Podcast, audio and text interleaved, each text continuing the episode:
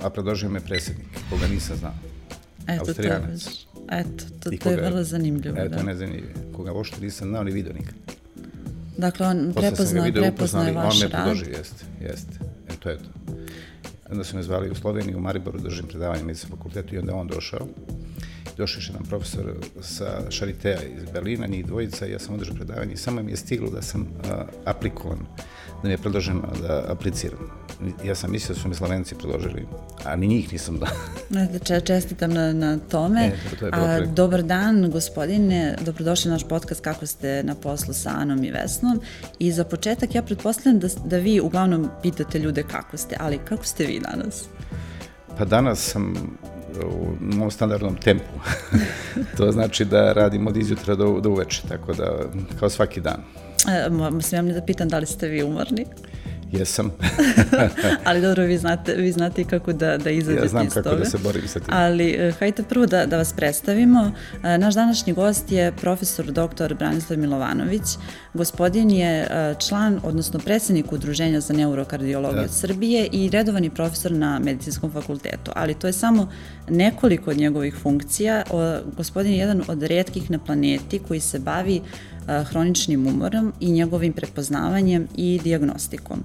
Ono što možda a, svi mislimo je da znamo šta je to umor, da znamo da ga prepoznamo, ali zapravo a, postoje vrste umora i hronični umor je diagnoza. Možete li da mi objasnite o čemu se zapravo radi i šta je to hronični, hroničan umor? E pa vidite, to je u stvari najzanimljivije pitanje i tu ima najviše nedoumica i tu se najviše greši. I što kažu naučnici, postoji ta trivializacija, znači uspo, e, na uprošćavanje problema koji je ozbiljan. Znači, prvo da raščistimo šta je umor. Znači, imate umor kada, recimo, dosta radite nešto na poslu, imate problem sagorevanja na poslu, recimo, dugotrenim radom, psihofizičkim opterećenjem i postanete stvarno neko ko je istrošio baterije, potrebno je da se odmorite. I vi odete recimo na godišnji odmor, ispavate se dva, tri dana, odete na vikend i vratite se na neki način kao novi. To je sagorevanje na poslu, to je umor, običan. I to prolazi. Ali, postoji i bolest. Bolest je ozbiljna i zove se sindrom hroničnog umora. Znači, to je bolest koja je u rangu onkoloških bolesti, kad, kao kad imate recimo karcinom ili imate HIV i tako je prihvaćeno u svetu. Znači, e, da uprostimo, znači vi se vratite posle go- godišnjeg odmora, ali posle recimo nekog vikenda, odmorite se, ispavate se, odjednom vidite da se niste odmorili. Odjednom vidite da i dalje ste loše, da nemate energije, da ne možete da spavate, primetite da kad idete u stepenice, recimo više nemate energije kao što ste imali, počne da vam lupa srce, primetite da ne možete da ispunjavate sve obaveze kao ranije što ste ispunjavali i shvatite da ulazite u jedno stanje hroničnog umora, I ukoliko to traje duže od šest meseci, vi već možete, ako ispunjavate neke kriterijume, da dobijete dijagnozu. A dijagnoza je vrlo ozbiljna. Znači, od 69. godine postoji dijagnoza koja se zove postvirusni sindrom umora, znači G63.3. I to je postalo, znači to je jedna neurološka dijagnoza. O toj dijagnozi se nije mnogo razmišljalo sve do sadašnje epidemije sa COVID-a. Pandemija je sada pokrenula praktično Jeste. pitanje o tome i vi ste mi rekli da ima sada pacijenata koji, koji shvataju da nisu samo umorni, da postoji nešto više od toga. Upravo to. Znači, sad se e, stvar e, ekstremno promenila, zato što je postojao veliki pokret pacijenata u svetu, jer ih niko nije razumeo. Zašto? Zato što o, obično kod svih njih je postoja neka infekcija koju oni nisu prebolili. Svi kažu imao sam infekciju virusnu koja je mesec dana, odjednom posle toga nisam se oporavio, počete hronički umor i tako dalje. I to već decenijama postoji taj problem i veliki broj pacijenata. Recimo, 2,5 miliona ljudi već ima tu dijagnozu u Sjedinim američkim državama, a 90% ih ima iste e, tegobe, samo nisu dobili dijagnozu. Isti slučaj u Evropskoj uniji. Tako da pacijenti nisu bili zadovoljni jer mi to nismo učili na medicinskom fakultetu. Znači, ili smo prelazili preko toga, mi smo učili posebnu bolest koja se zove sindrom, ili umora ili postvirusni umor. Tako da su se pacijenti organizovali svuda po svetu i uh, onda se vršili pritisak i na institucije i mogu vam reći da sad imamo uh, bum u svetu vezano za tu problematiku. I vi ste jedan od reki koji, koji rešava ta, taj Ja sam problem. igrom slučaja 20 godina se bavim time zato što se bavim uh, neurokardiologom, bavim se autonomnim nervnim sistemom. I ja sam da, na neki način shvatio uh, da je problem zato što to je kao software naše organizma, znači to je na fina mreža nervnog sistema. Ja sam inače profesor interne medicine i kardiologije, ja sam kardiolog. Ali ta diagnostika i metodologija koja se koristi za testiranje tog autonervnog sistema je kardiološka. I to je vrlo bitno da postoji taj multidisciplinarni pristup. Znači to je ono što je ključno. I ja sam to shvatio pre 20 godina i onda sam se obratio profesoru Kristoforu Matajasu u Londonu, koji je bio na čelu te referentne laboratorije za ceo svet u St. Mary's bolnici na Imperial College-u. Inače, njegova laboratorija je paralelno pored laboratorije da Fleming otkrio penicilin. Znači, bukvalno to je istorijski, znači to je tabla I a, sve je počelo tada. Tada sam dobio stipendiju pod njegovim pokroviteljstvom Welcome Trust a, engleske vlade i onda sam otišao tamo na edukaciju i tad sam shvatio da je to ono pravo. Znači, bio sam na glavnom mestu u svetu, naučio sam to, edukovao sam se i imao sam prednost jer ja sam bio interista kardiologa, on je bio više, da kažem, neurolog. E, kad sam naučio tu, da kažem, tehnologiju, metodologiju, onda sam se vratio, ali bukvalno sam se vratio zadnjim avionom pre bombardovanja. Znači, moram to da kažem, to stalno pričam.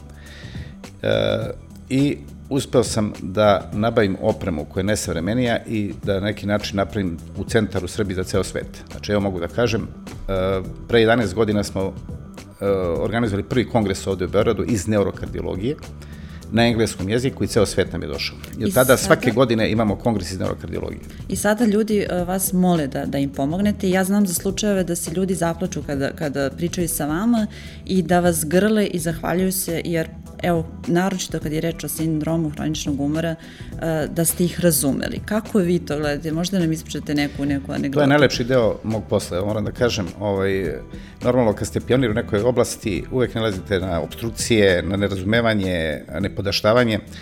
Sada nisam, da kažem, na neki način i svetski sam lider u ovoj oblasti i bavim se tom, tom ovaj, tim, tim segmentom. Uh, Uh, mnogo mi je lakše da proguram, da kažem, neki, taj svoj prvi projekat i ideju, ali najlepše mi je kad mogu da pomognem običnim ljudima, pacijentima, a, a brojevi su ogromni, to radi se o stotinama hiljada.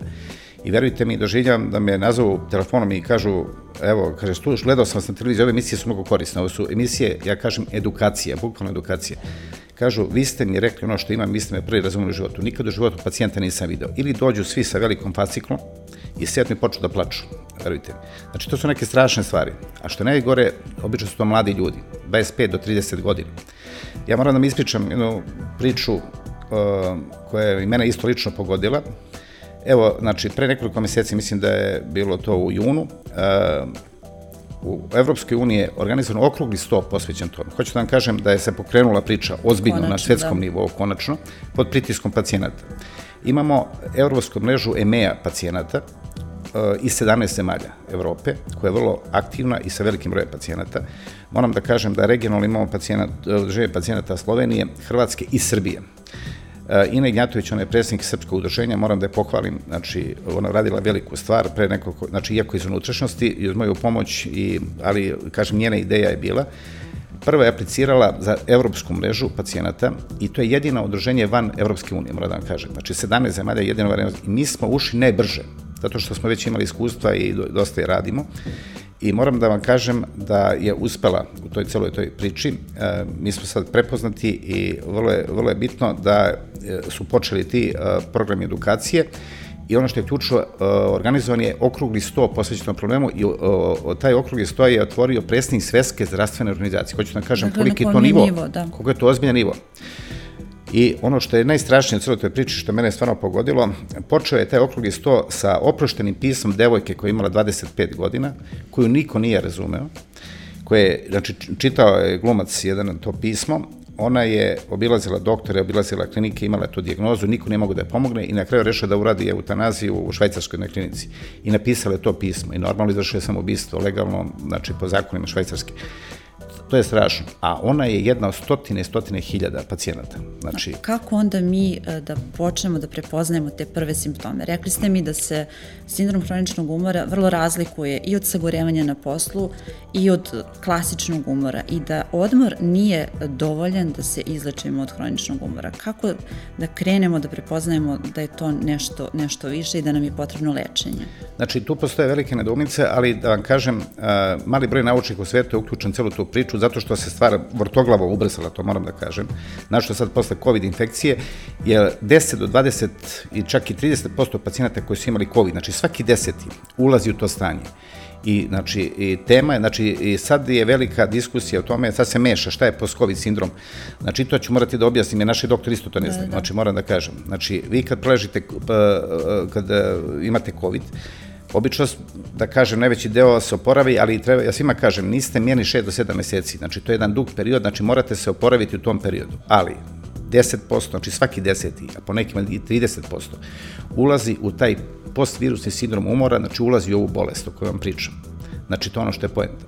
I sad, koje su kriterijumi, kako postaviti dijagnozu? E sad, ono, to je ono što je najvažnije i što svi mešaju.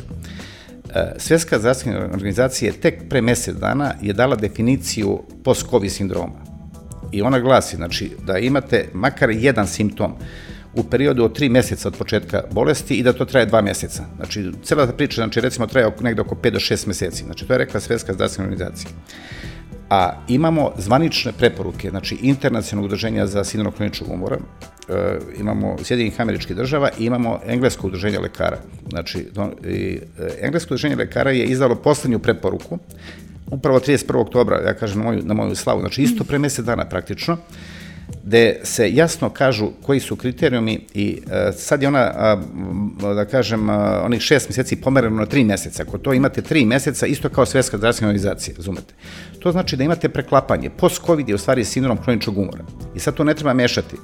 Vi imate jasne komplikacije kad ste imali COVID i recimo imali ste moždani udar ili ste imali šlog ili ste imali infarkt, recimo, ili ako ste imali trombozu ili ako ste imali popuštanje srca, miokaritis, to je jasno, imate komplikacije i to se kaže PASK ili post-acute sekvela od COVID, COVID sindroma. Znači, to su e, komplikacije e, COVID infekcije i to je jasno. Ali to je jedan procenat, recimo 10-20%. Ali imate onih 80% gde nemate to i ljudi nemaju više energiju, padaju i praležali su COVID, onda bilaze doktor, niko im ne veruje. I sad, koji su kriterijumi? Ono što ste me pitali, koji su ključni. Znači, to je do detalja razrađeno. Znači, imate takozvane Fukuda kriterijume, japanske kriterijume od pre možda 10-15 godina. Imate kriterijume američkog udruženja za sindrom hroničnog umora. Imate kanadske kriterijume imate oksforske i engleske kriterijume, znači imate 3-4, da kažem, te grupe kriterijuma, ali uglavnom se svi kriterijumi preklapaju, slažu oko tih nekih osnovnih simptoma. Ja ću da vam nabrojim te tri, tri da kažem, prema tim kriterijima uh, internet udruženja za sindrom hroničnog umora morate da imate prvo umor koji traje duže 6 meseci, koji je nešto novo u životu i koji vam remeti normalan život. To je pod jedan. Znači, morate da imate poremećaj sna, znači da vas san ne odmara. Ili ne možete da spavate, budite se, ili recimo ste pospani u samom početku bolesti. I treće, da primećujete da svaki fizički napor vam uzima veliku energiju, da treba da se oporavite posle fizičkog napora. To se smatra da su tri kao glavna simptoma koje morate da ispunite i morate da imate makar jedan od dva, to je da kažem po tim kriterijima, da se preklapaju mnogi ti kriterijumi, Jedan je kognitivni poremećaj, što je vrlo karakteristično za mlade osobe. Znači, e, pacijenti primećuju da počinu da zaboravljaju, da imaju probleme sa pamćenjem, koncentracijom, ne mogu se sete reči, imaju, kako kažu englezi, brain fog, imaju maglu u glavi i vide da nisu više, e, ni, nemaju intelektualni kapacitet kao što su imali. Znači, to, to su ti kognitivni poremećaj koji se sreću u velikom procesu ili takozvani poremećaj vezani za ortostasku intoleranciju ili ortostaske poremećaje, to je ono čime se ja bavim, i da jedino možete da dokažete promene. Ono da kažemo da imate zvanično organsko oštećenje. Da bi vam neko povjerovao. Jeste, to su krize svesti. Recimo, ili izgubite svest, ne znate zbog čega, ili kad ustanete počne vam se vrti u glavi, ili imate vrtoglavice, imate zujenje ušima, a, znači tu takozvanu ortostasku nestabilnost ili lupanje srca kada ustanete što ranije niste imali, to je takozvani PTS, posturalno tahikardni sindrom, Znači, to su razne, ili recimo kombinacija svih tih sindroma. I recimo mnogi odu, odu kod specijalista za ušne bolesti ili imaju vrtoglavice, imaju sujenje ušima. Sve se to preklapa, zato je potrebna ta multidisciplinarnost. A znate kako kod nas, e, evo, naročito na, na, u, u poslovnom okruženju i u kompanijama, ljudi se plaše da iskažu takav problem i uglavnom će da pređu preko toga i nadaju se da će im biti bolje. E, vi ste mi rekli da sindrom hroničnog umora ostavlja ogromne posledice. Ja bih volila da mi, da mi nabrojite koje su to i negde poredite to i sa bolestima poput SIDE, na primer. I kod mladih ljudi, naročito mladih radnika, može da postoji određeni in, invaliditet u, u radu. Da mi objasnite kako, ovaj, kako dolazi do toga, odnosno šta bi, šta bi mogli, koje posljedice bi moglo da, da ima Evo, to je ono što je stvari najveći problem. Uh, to što ste pomenuli, ja sam pomenuo tih pet glavnih simptoma, ali nisam pomenuo da e, po mom spisku simptoma ima 51, recimo što sam ja pravio na svom upitniku, svi sistemi su zakvaćeni. Znači, da je samo to, nego nije. Znači, svi ti pacijenti imaju ostale simptome. Znači, prvo imaju problem vezane za neurološke poremeće. Oni se žale na igranje mišića, mramijanje, tremor, slabost ruci, nozi. Zatim, ono što je nezmijenije, oni imaju psihološke poremeće. Znači, javlja se prvi put anksioznost, fobije, strahovi, depresija, panični napadi, što nikada nisu imali. I tu je fatalna greška. Znači, vi dobijete panični napad, anksioznost i onda svi kažu, aha, to je psihološki poremeće. I onda vas pošalju kod neuropsihijatra. Psihijatar porazgovara sa vama ili vam uključi antidepresive, ako uđete u depresiju ili ne uključi. I tu treba razlikovati sa depresiju koja se sad tu pojavila ili depresiju koju ste imali recimo ranije kao organski poremeće. Znači sve se to preklapa i najveća greška prepisati psihijatrijskom oboljenju ili nekoj, nekoj anksioznosti. To su komplikacije okviru te bolesti. To je ono što je ključno. I tu je slepa, slepa ulica da se najviše greši. I nerazumevanje, moram da kažem. Zatim, verujte mi, 80% se žali na gastrointestinalne probleme. Svi su u početku imali problem sa stomakom. Iritabilni kolon, ispitivali su se, nisu ništa našli, nadimanje, gasovi, grčevi, prolivi. Vrlo često su posjećivali gastroenterologa. Zatim, bolovi u mišićima, dobio često diagnozu fibromijalgiju. Recimo, slovenačko udruženje je udruženje pacijenata sa fibromijalgijom i disautonomijama. Znači, to je ovo što ja radim. E, zatim, recimo, imate glavobolje, imate uh, ortosarske poremeće, zujenje ušima, znači mnogi odu, odu kod orologa specijalista da vide zašto imaju ortoglavice ili zuje, svi se žale na zujenje ušima, recimo, i tako dalje. Uh, vrlo često se žale na promene na koži, imaju alergijska stanja, zatim, uh, pored toga, imaju te, subfebrilne temperature, 36, 37, noćno zojenje, uh, znojenje problemi sa zlobovima, našto bolovi sitnim zlobovima šake, žarenje, paljenje, lanova tabana i tako dalje. Znači, e, i glavobolje vrlo često. Znači, kad pogledate simptome koji pokrivaju sve mm -hmm. sisteme i ključni problem, nemate energije, razumete? I onda kreće priča. Znači, krenete od jednog doktora, drugog, trećeg, oni vas provuku stvarno kroz tu diagnostiku, Ako, ja sam kardiolog, ako, nađu sad, ako nađemo poremećaj ritma na srcu, ako nađemo recimo perikarnizi, kako mi kažemo vodu u srčnoj kesi, onda možemo kažemo imate zapaljenje kronično mioperikarditis, zapaljenje srčnog mišića i kese i ok, uhvatite se za nešto, znate šta je, ali često ne nađete to. Ili ne nađete recimo te sigurne znake i onda kažete ma nemate ništa i uh, to je ono što je najveća greška pacijentu ne verovati, razumete. I onda problem na poslu. Odjednom pacijenti vide da ne mogu da izdrže 8 sati da rade, Evo ja sam imao slučaj jednog bračnog para iz Irske, oni, oni su inače iz Hrvatske i Zagreba, nisu nikad bili u Srbiji i onda su me našli i došli su iz Irske jer su morali da daju otkaz, imali su COVID 7 meseci pre toga. E, oboje su inženjeri, rade u IT, da kažem, zoni i mogli su da samo 4 sata i niko im nije verovao. Nije verovao šef. I onda su došli ovaj, kod mene i stvarno, kad sam ih testirao i kad sam vidio da što sam drastične promene, Znači, tu imamo uh, poremećaj takozvanih barorefleksa koji regulišu pritisak. Nešto posle post-covida. Imamo ekstremno variranje pritiska i pulsa i vi kad imate tu opremu, vi možete svaku sekunda to da vidite. Mm -hmm. I ja sam to zaokružio i rekao sam, evo pokažite vašem šefu, pokažite vašem doktoru, da vide kako vi ošte živite, razumete. Imate da, problem... Poslodavci, poslodavci ne veruju. Oni često, ne veruju, oni to ne veruju. I o, oni se normalno uhvate za nalaze doktora, a i doktori nisu edukovani. Znači, doktori nisu edukovani, nismo mi to učili, e, mnogi ne prate. Znači, ja sam igrom slučaja bavim se time, pa to znam.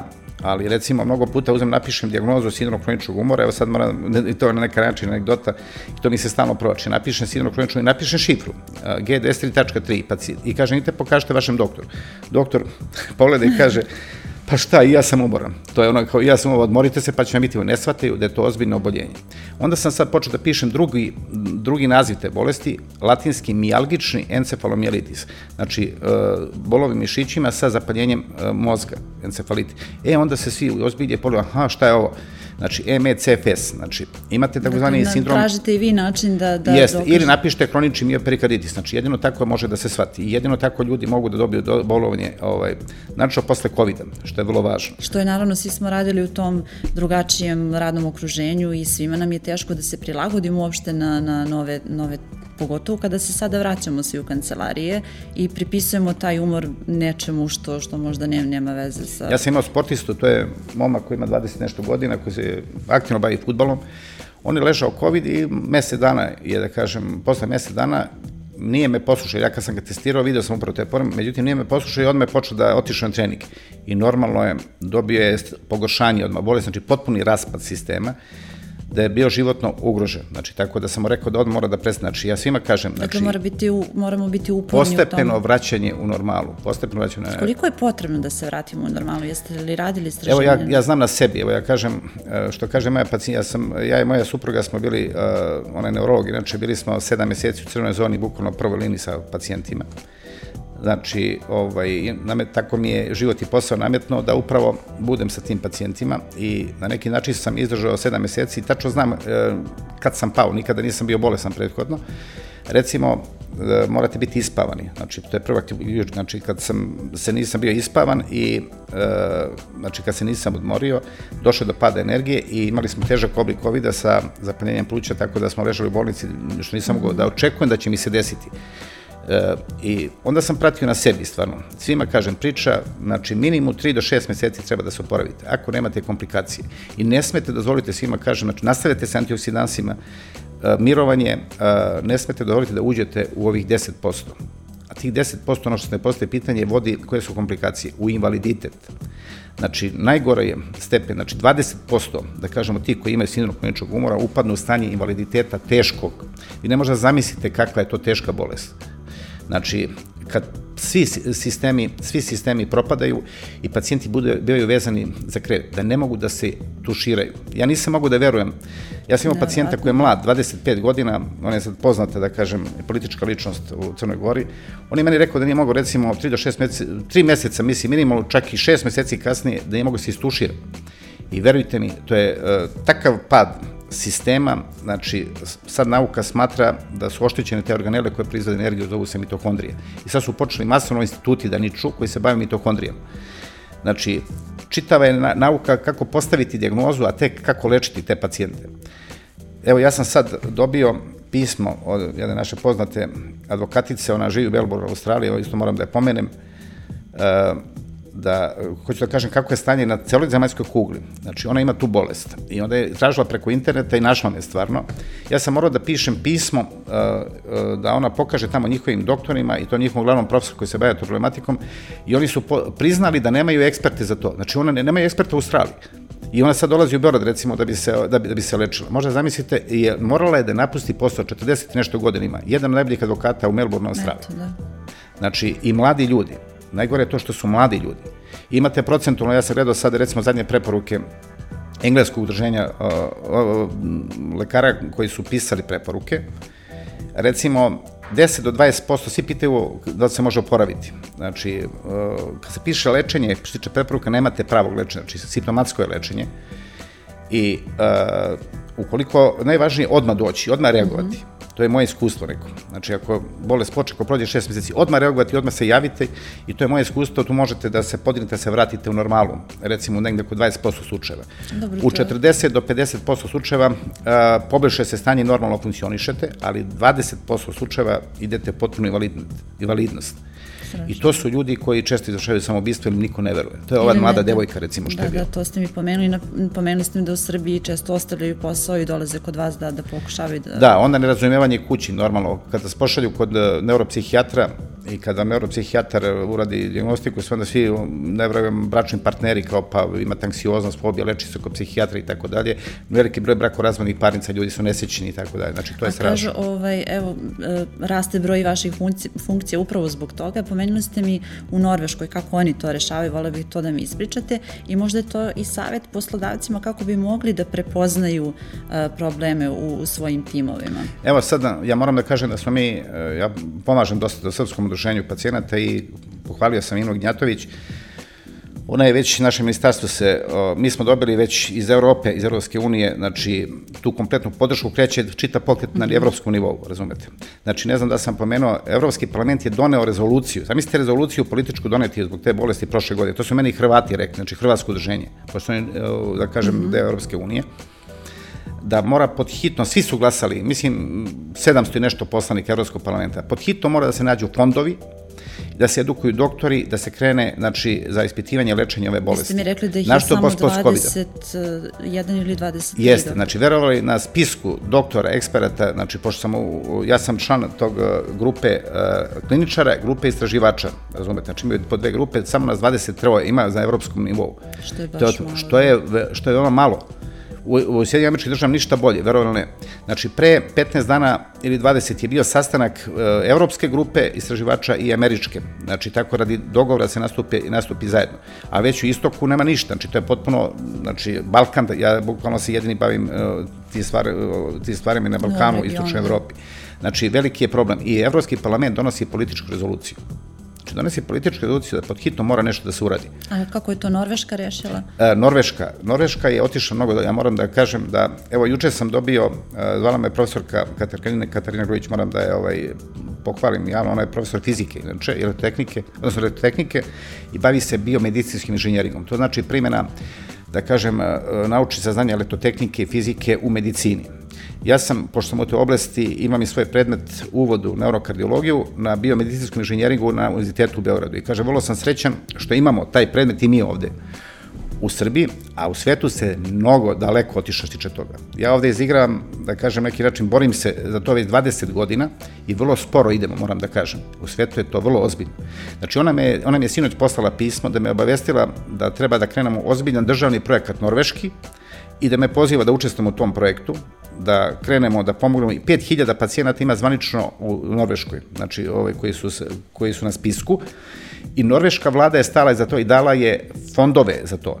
I ona me obavestila je sad, četiri projekta se završavaju ove godine koje su već, znači, raspisan norveške vlade, koji su vrlo korisni za pacijenti. I pacijenti su uključeni i predlažu šta treba da se uradi.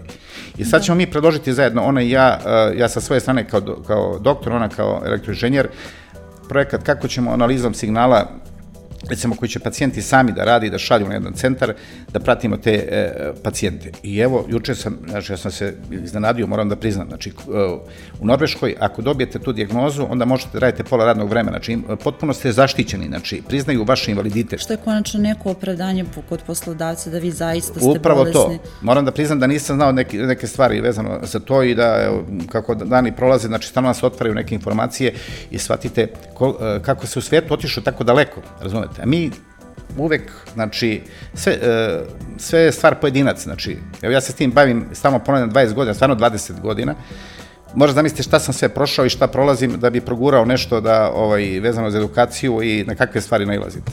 Evo, e, za kraj bih vas zamolila onda za, za ljude koji su u radnim okruženjima i za obične radnike, uh, koji su i u hijerarhiji možda negde ispod svojih poslodavaca, koje su to nekad vaša tri saveta ili pet, ako ih imate, kako da prepoznaju kod sebe uh, sindrom hroničnog umora i šta da rade da ne upadnu u zamku takvog umora, odnosno takve bolesti? Znači, rekao sam ove kriterijume koje su ključne. Zamor koji traje duže od šest meseci, kad primete svi da nisu više kao što su bili.